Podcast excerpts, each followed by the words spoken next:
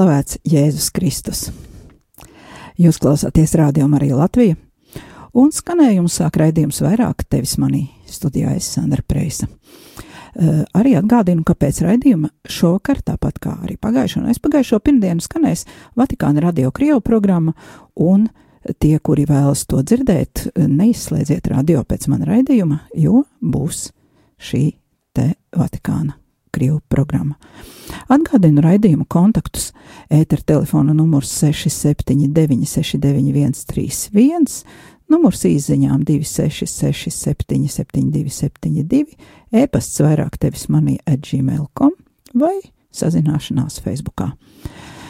Ir lielās nedēļas pirmdiena, un šonadēļ noteikti mēs visi saņemsimies, un kuriem ar gavēņu plāniem ir gājis, kā jau cilvēkiem tas mēdz būt, noteikti tagad būs skrējiens, kā saka, finiša taisnē.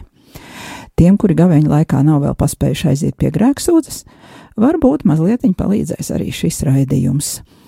Atcerēsimies, ka sagrēkot var nevien darot ļaunu, bet arī neizdarot kaut kādus labus darbus, kurus mēs būtu varējuši izdarīt. Šīs dienas tēma īsumā - ko nozīmē būt draugam sev pašam, vai tas izslēdz sevis vainošanu, jeb arī to integrē, vai būt draugam sev nozīmē būt draugam arī ar citiem cilvēkiem, un ko nozīmē draudzēties ar Dievu. Bet tagad lūksimies Dieva tēva un dēla un svētā gara vārdā Āmen.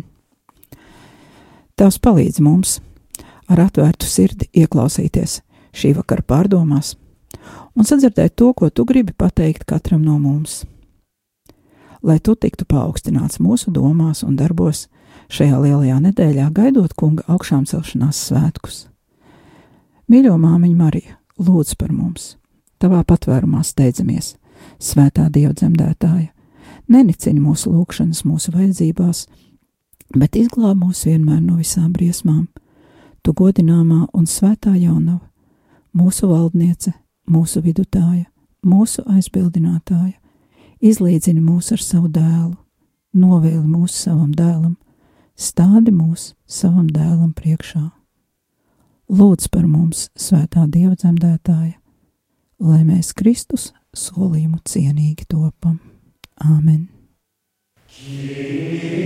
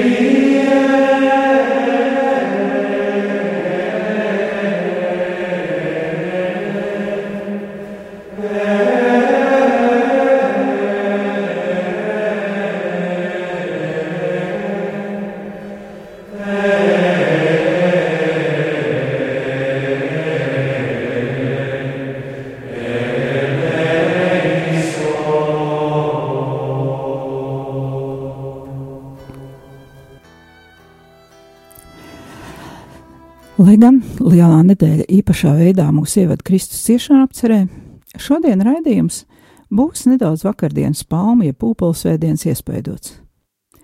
Redzot, kā tauta sagaidīja Jēzu Jeruzalemē, klājot viņa ceļā savas drēbes un palmu zarus un gavilējot viņam kā ķēniņam, var rasties iespējas, ka Jēzum šo cilvēku vidū ir neskaitāmi daudz draugu. Kā ir patiesībā? Tas atklāsies dažas dienas vēlāk, kad Jēzus karāsies pie krusta. Un mēs šovakar runāsim par draudzību, un kā un vai draudzību var savienot ar sevis vainošanu, par kuru mēs esam jau runājuši iepriekš, ar pazemību, pazemošanu un citiem garīgajiem vingrinājumiem.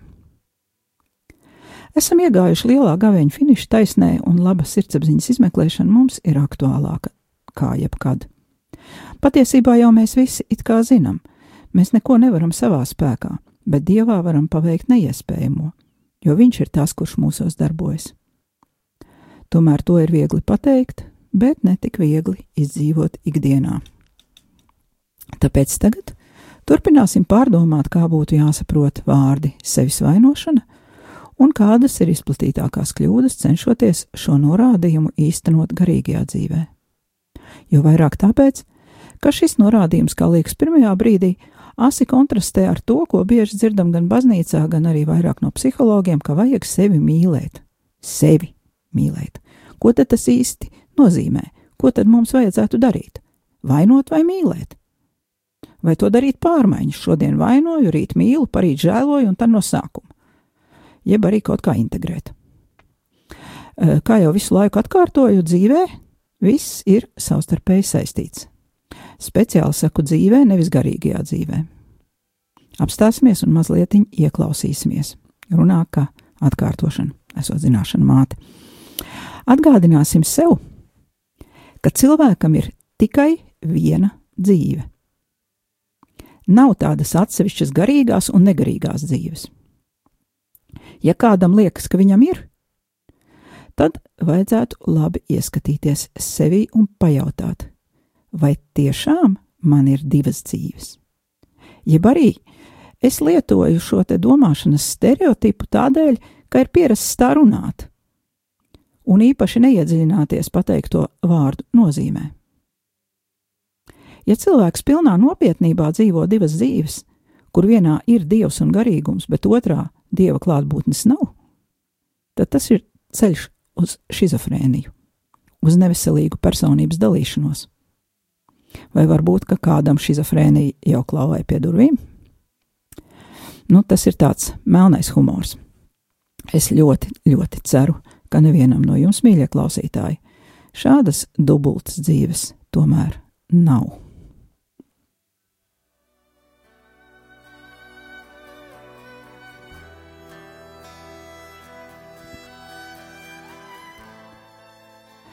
iepriekšējo raidījumu pabeidzām ar skarbu dzīves piemēru. Tā bija intervija, kura tulkota no grāmatas Humans of New York ar kādu nejauši uz ielas satiktu meiteni, kura bija slepus no vecākiem ieradusies lielajā pilsētā, pie sociālajos tīklos iegūta paziņas.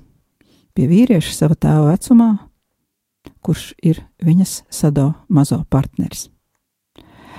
Kā meitene stāsta, tikai saņemot šaušalīgu sadistisku pazemošanu, viņa spējot kaut uz brīdi atslēgties no savu domu sajukuma, kurā visu laiku dzīvo. Redzam, cik smagas sekas var nest nepareizi saprasta un mācīta sevis vainošana. Meitene apraksta savus vecākus kā ļoti dievbijīgus cilvēkus. Jādomā, ka viņi gribēja vislabāko savam bērnam, bet acīm redzami bija prasījuši no bērna tādu sapratni par kristietību, uz kādu bērns nebija spējīgs. Vai nu sava vecuma dēļ, vai arī tāpēc, ka paši vecāki nebija bērnam saprotamā veidā izskaidrojuši kristīgās vērtības, bet jau sodīja par šo vērtību neievērošanu. Bērns tika nemitīgi kontrolēts un sodīts par visu, kas vecākiem nelikās pietiekami kristīts, kristīgs. Un rezultāts - smagas psiholoģiskās pro problēmas, antidepresanti no desmit gadu vecuma un dubulta dzīve, kura ved uz nekurieni. Šajā briesmīgajā piemērā atklājas kļūda, kuru pāvests min savā esejā sevis vainošana. Šie vecāki savu iedomāto izpratni par kaut ko, kas ir vai nav kristīgs, uzspieda bērnam, neievērojot mīlestības principu. Jo nav runas par to, ka nevajag mācīt bērniem kristīgas vērtības. Runa ir tieši par to, ka vispirms vajag mācīt, un tikai pēc tam kaut ko no bērna pieprasīt. Ja bērns būtu ar mīlestību vadīts un mācīts, visticamāk vecākiem pat neko daudz nevajadzētu prasīt. Bērns pats visu darītu pareizi, īpaši, ja šad tad tiktu uzslavēts par pūlēm vai vienkārši samīļots. Tātad svarīgas ir nevien vērtības, bet arī veids, kā tās mācāmies paši, un vēl jau vairāk, kā mācām citiem. Tā kā lielākā daļa, kuri klausās manu raidījumu, ir laji, ģimenes cilvēki, tad uz mums, protams, visvairāk attiecas jautājums par to, kā mācīt un audzināt savus bērnus, vai arī varbūt jau labot savas jaunībā izdarītās audzināšanas kļūdas. Tomēr, kā lasām pāvesta Franciska esejā sevis vainošana, audzināšana ir tikpat svarīga arī formējot jaunos konsekrētos cilvēkus. Un vēl viena lieta, par kuru nedrīkstam aizmirst. Mums visiem, gan lajiem, gan konsekrētajiem, dažkārt nu, ļoti patīk pamācīt citus pieaugušos vai svešus bērnus. To man pazemības un sevis vainošanas kontekstā vairāk gan gribētos saukt par domāšanas kļūdu. Jo tad tā vairs nav sevis vainošana, bet gan citu cilvēku vainošana vai vainas meklēšana. Tāpat jau iepriekš pazemības kontekstā arī esam runājuši, ka pazemības likumu mēs varam izkopt tikai paši sevī un nevis otrā cilvēkā. Pie tam, aizskarot citu cilvēku dzīves, mēs visbiežāk vadāmies pēc saviem priekšstatiem un iedomām, nevis pēc otra cilvēka realitātes.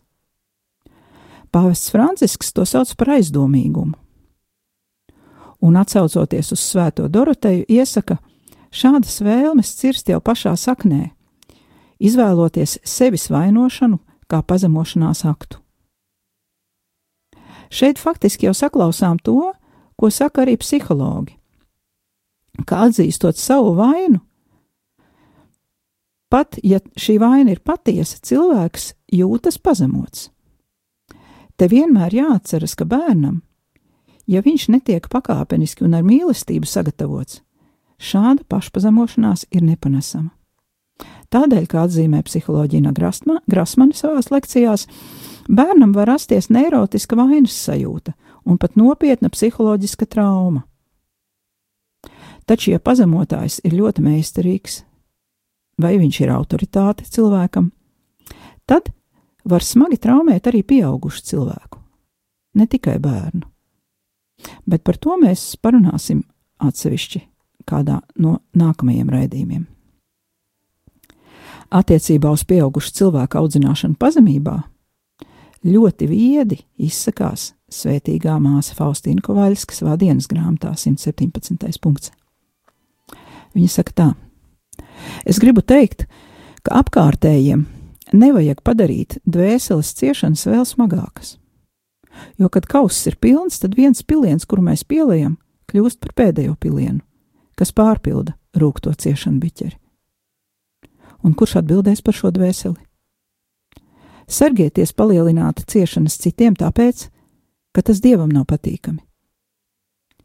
Ja māsas vai audzinātājas zina vai var iedomāties, ka kāda dvēsele pārdzīvo šos pārbaudījumus un neraugoties uz to, no savas puses vēl palielinās tās ciešanas, tad viņas izdarītu nāves grēku un pats Dievs pieprasītu atbildēt par šo dvēseli.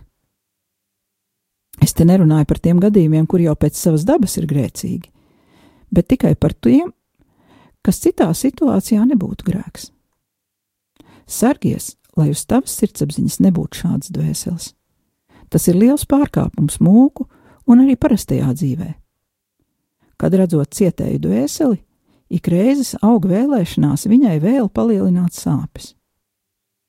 Es nerunāju par visiem, bet tā gadās. Mēs atļaujamies izteikt savus spriedumus un runājam tur, kur to darīt nevajadzētu. Citāta beigas. Tāpēc arī mēs šovakar neturpināsim par citu cilvēku audzināšanu, bet paskatīsimies, ko varam darīt paši ar sevi.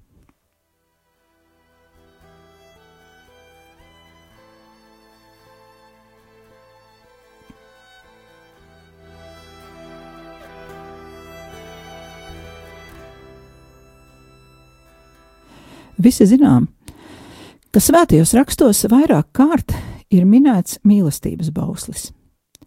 Tev būs Dievu savu kungu mīlēt no visas savas sirds, ar visu savu dvēseli, ar visu savu spēku un ar visu savu prātu, un savu tuvāko, kā sevi pašu. Tas ir Lūkas evanģēlija 10. nodaļa 27. pants, taču par sevis un tuvāk mīlestību runā arī romiešu vēstule 13.9, 3. mūzes grāmata 19.18, Mateja evaņģēlijas 22, 37, 39 un vēl daudzas citas vietas svētajos rakstos. Esam jau runājuši par to, ka pareizi saprotot garīgās dzīves terminus, paradoxālā veidā kopā sadara sevis mīlēšana un sevis ienīšana jo garīgajā dzīvē ienīst sevi nozīmē atteikties no ļaunuma un nepilnībām, kuras piemīt mūsu cilvēciskajai dabai, un tiekties uz dievišķo pilnību.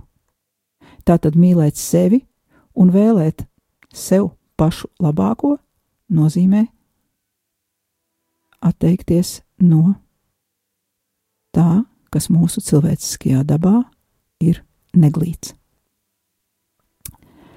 Bet to savukārt nevaram, ja neesam iepriekš atzinuši patiesību par sevi, kuru Katrīnai no Sienas ļoti konkrēti formulē, formulēja pats Jēzus kādā vīzijā. Viņš teica Katrīnai, un arī mums katram, mana meita, vai tu zini, kas tu esi un kas esmu es? Nav lielākas svētlēmes, kā zināt to. Tu esi tā, kas neesi. Es esmu tas, kas esmu. Ja tu būsi šīs apziņas pilnīgi pārņemta, ļaunais nevarēs tev neko padarīt, un no jebkurām viņa cilpām tu izslīdēsi neskarta. Tas nozīmē, ka atzīst, atzīstot šo patiesību, mēs atklājam savu vājumu un vainu, bet reizē atklājam Dieva spēku, kurš kļūst par mūsu pašu spēku, ja pilnībā atsakāmies no sevis. Atteikties no sevis šajā kontekstā nozīmē pilnībā atdot visu kontroli Dieva rokās. Tātad garīgajā teoloģijā ienīst sevi un atteikties no sevis nozīmē sevi mīlēt.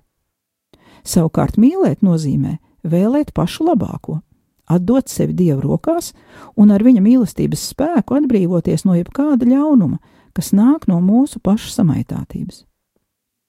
Vai pamanījāt? Runa ir tikai par mums pašiem. Ja sevi būsim iepazinuši un iemīlējuši šādā veidā, tad mācēsim palīdzēt arī tuvākajam, ja Dievs gribēs, lai mēs to darītu.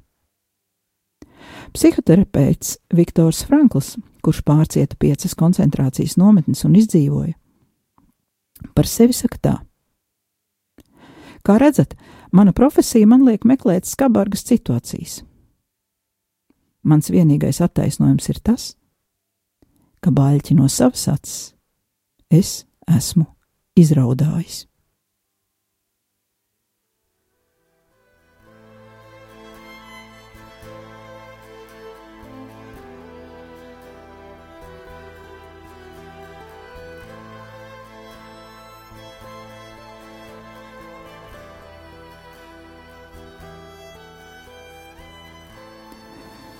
Lai Dievs dod, ka mēs varētu kaut ko līdzīgu pateikt par sevi.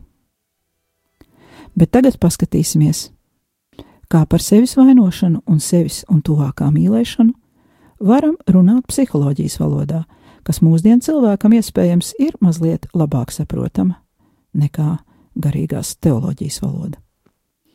Citēju psihologa Valērija Albisetī grāmatu būt draugam. Būt draugam sev nozīmē iepazīt tās savas personības puses, kuras nedraugi grib izmantot, lai mūs padarītu vājākus. Tas ir iekšējs darbs. Tā būtība ir pieņemt savas negatīvās un apslēptās īpašības, tās bez bailēm uzlūkojot. Nevajag no tām kaunēties, bet gan ar tām samierināties. Citāta beigas. Un tagad uzmanību. Te nav runa par to, ka vajag samierināties ar saviem grēkiem, bet gan ar savām īpašībām. Tas nav viens un tas pats.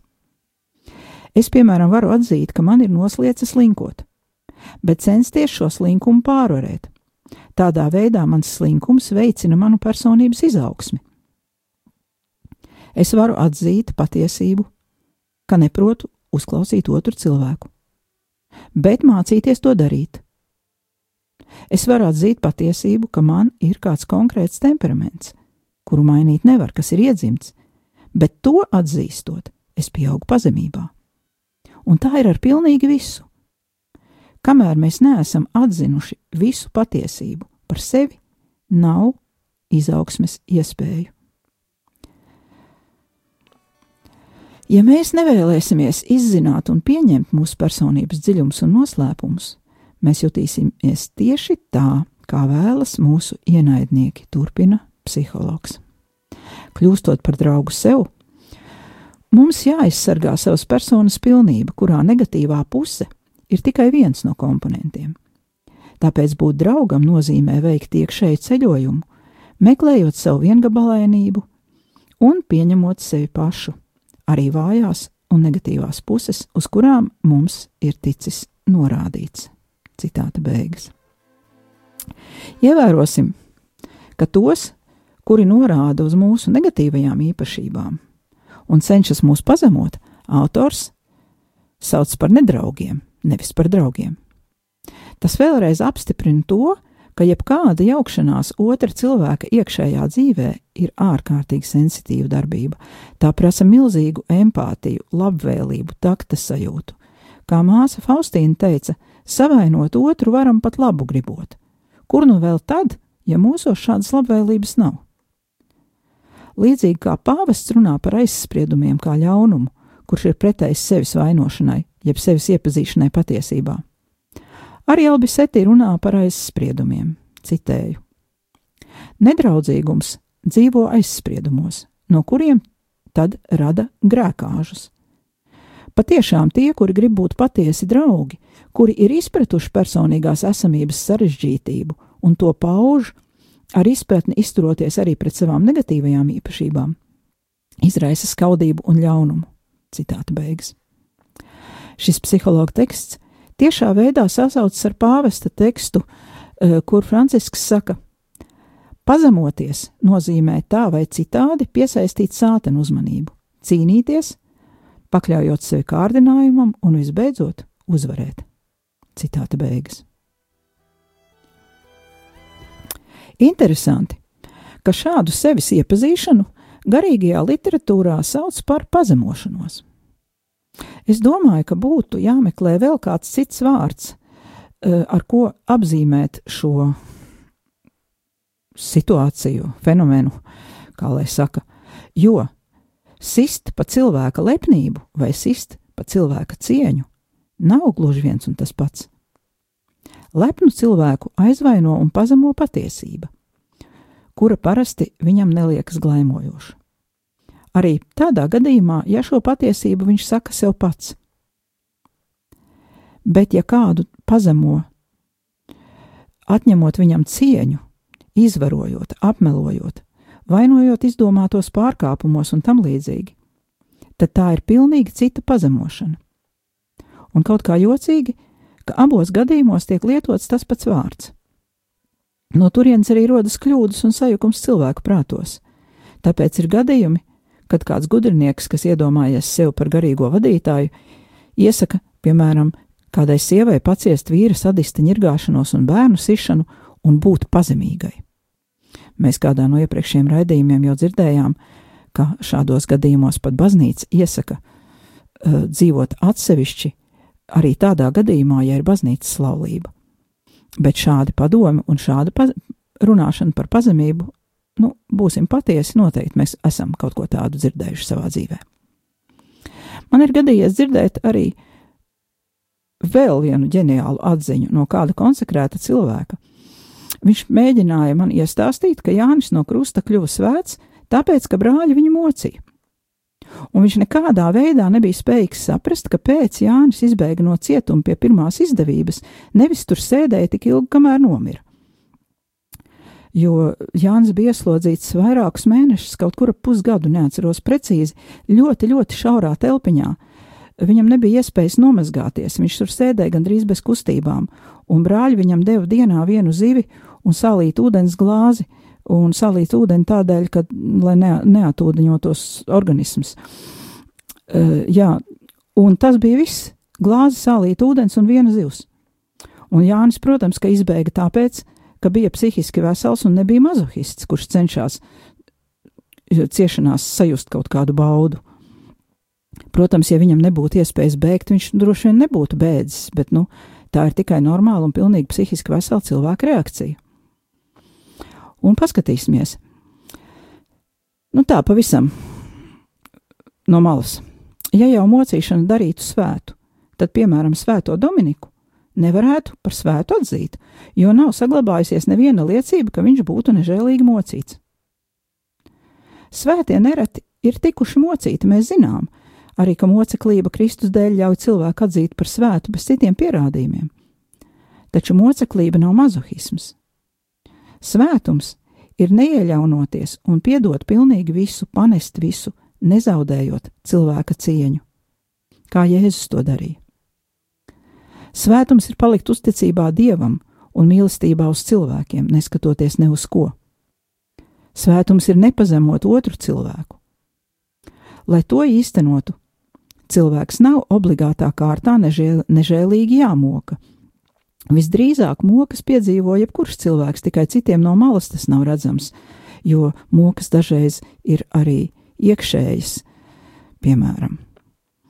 Svarīgs ir rezultāts, un gal galā svētums ir dieva, nevis cilvēku darbs, un dievs nav sadists.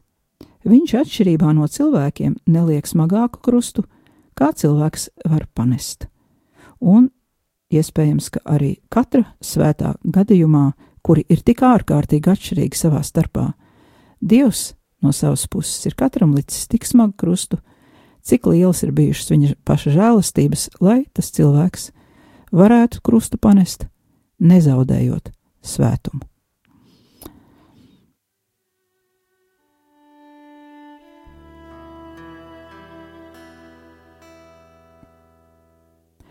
Vienam cilvēkam izrādīt cieņu citiem, būt labam un draudzīgam, ir dabiska viņa izkoptās dvēseles darbība. Bet citiem ar nekoptu un neaudzinātu dvēseli tas var šķist pazemojoši. Tāds cilvēks var gan pieaugt pazemībā, veicot šo pazemošanās aktu, bet var arī sākt ienīst to cilvēku, kuru priekšā viņam ir bijis vajadzīgs būt pazemīgam. Bet vēl mazliet par grēkāžiem no Valērija Albiseti. Viņš saka tā: sabiedriskā doma pret tiem, kuri ir draugi sev, izturas kā pret dīvainām būtnēm, no kurām pēc iespējas ir jāizvairās. Drosme, ar kādu tie izliek sev apskatē, vienmēr tiek izsmieta. Viņi kļūst par baumu objektu to ļaužu vidū, kuru dvēselē nav vietas visa personīgā, specifiskā un oriģinālā izpausmēm. Tā vietā, lai pret cilvēku izturētos ar cieņu, censtos viņu saprast un pieņemt, pieņemt arī viņa rakstura problemātiskās īpašības, daudz vieglāk ir atgrūst vai nosodīt. Tieši tāpēc patiesos draudzības nesējus bieži vien nosoda, sit pie kauna staba, iznīcina, bet tai pašā laikā nedraugus visi pieņem viegli jo nedraugi ir aizvērti. Viņi nespēja mīlēt sevi un apkārtējos, un tāpēc nerāda savu patieso dabu, un viegli pakļaujas abstraktam sabiedrības uzvedības šablonam. Slēpjoties aiz šiem ārējiem likumiem, modeļiem un bezdvēseliskajām draudzības saitēm, viņa nesodīt var darīt ļaunu, ar labiem darbiem piesadzot viszemiskākos izkropļojumus. Viņa var noņemt atbildību no sevis un pārlikt to uz otru, uz to, kurš patiesībā ir labs draugs sev un citiem. Īstenība ir tāda, ka patiesi draugi, rādot sevi tādus, kādu viņi, kādi viņi ir, provocē skandālu. Viņi liek rēķināties ar sevi, ar visu savu raksturu pilnību. Tas šokē tos, kuri neprot būt draugi, un šie cilvēki uzskata par labāku pasludināt patiesos draugus par neērtiem un negatīviem, jo paši nespēja samierināties ar sava rakstura negatīvajām īpašībām. Citāta beigas. Protams, ka dzīvē viss ir daudz sarežģītāk nekā mēs lasām grāmatās. Katrs cilvēks ir vesels universs, un tas, ko redz citi, ir vēl mazāk par aizberga redzamo daļu. Tāpēc aicinu izdzīvot šo lielo nedēļu ar veselīgu sevis vainošanas, jeb sevis iepazīšanas stāju, un Kristus augšām celšanos sagaidīt, kļūstot par labāku draugu pašam sev, dievam un tuvākajam. Atvadoties, pajautāsim paši sev, kādas lieldienas es gatavojos svinēt. Kristus lieldienas vai krustā sitēju lieldienas.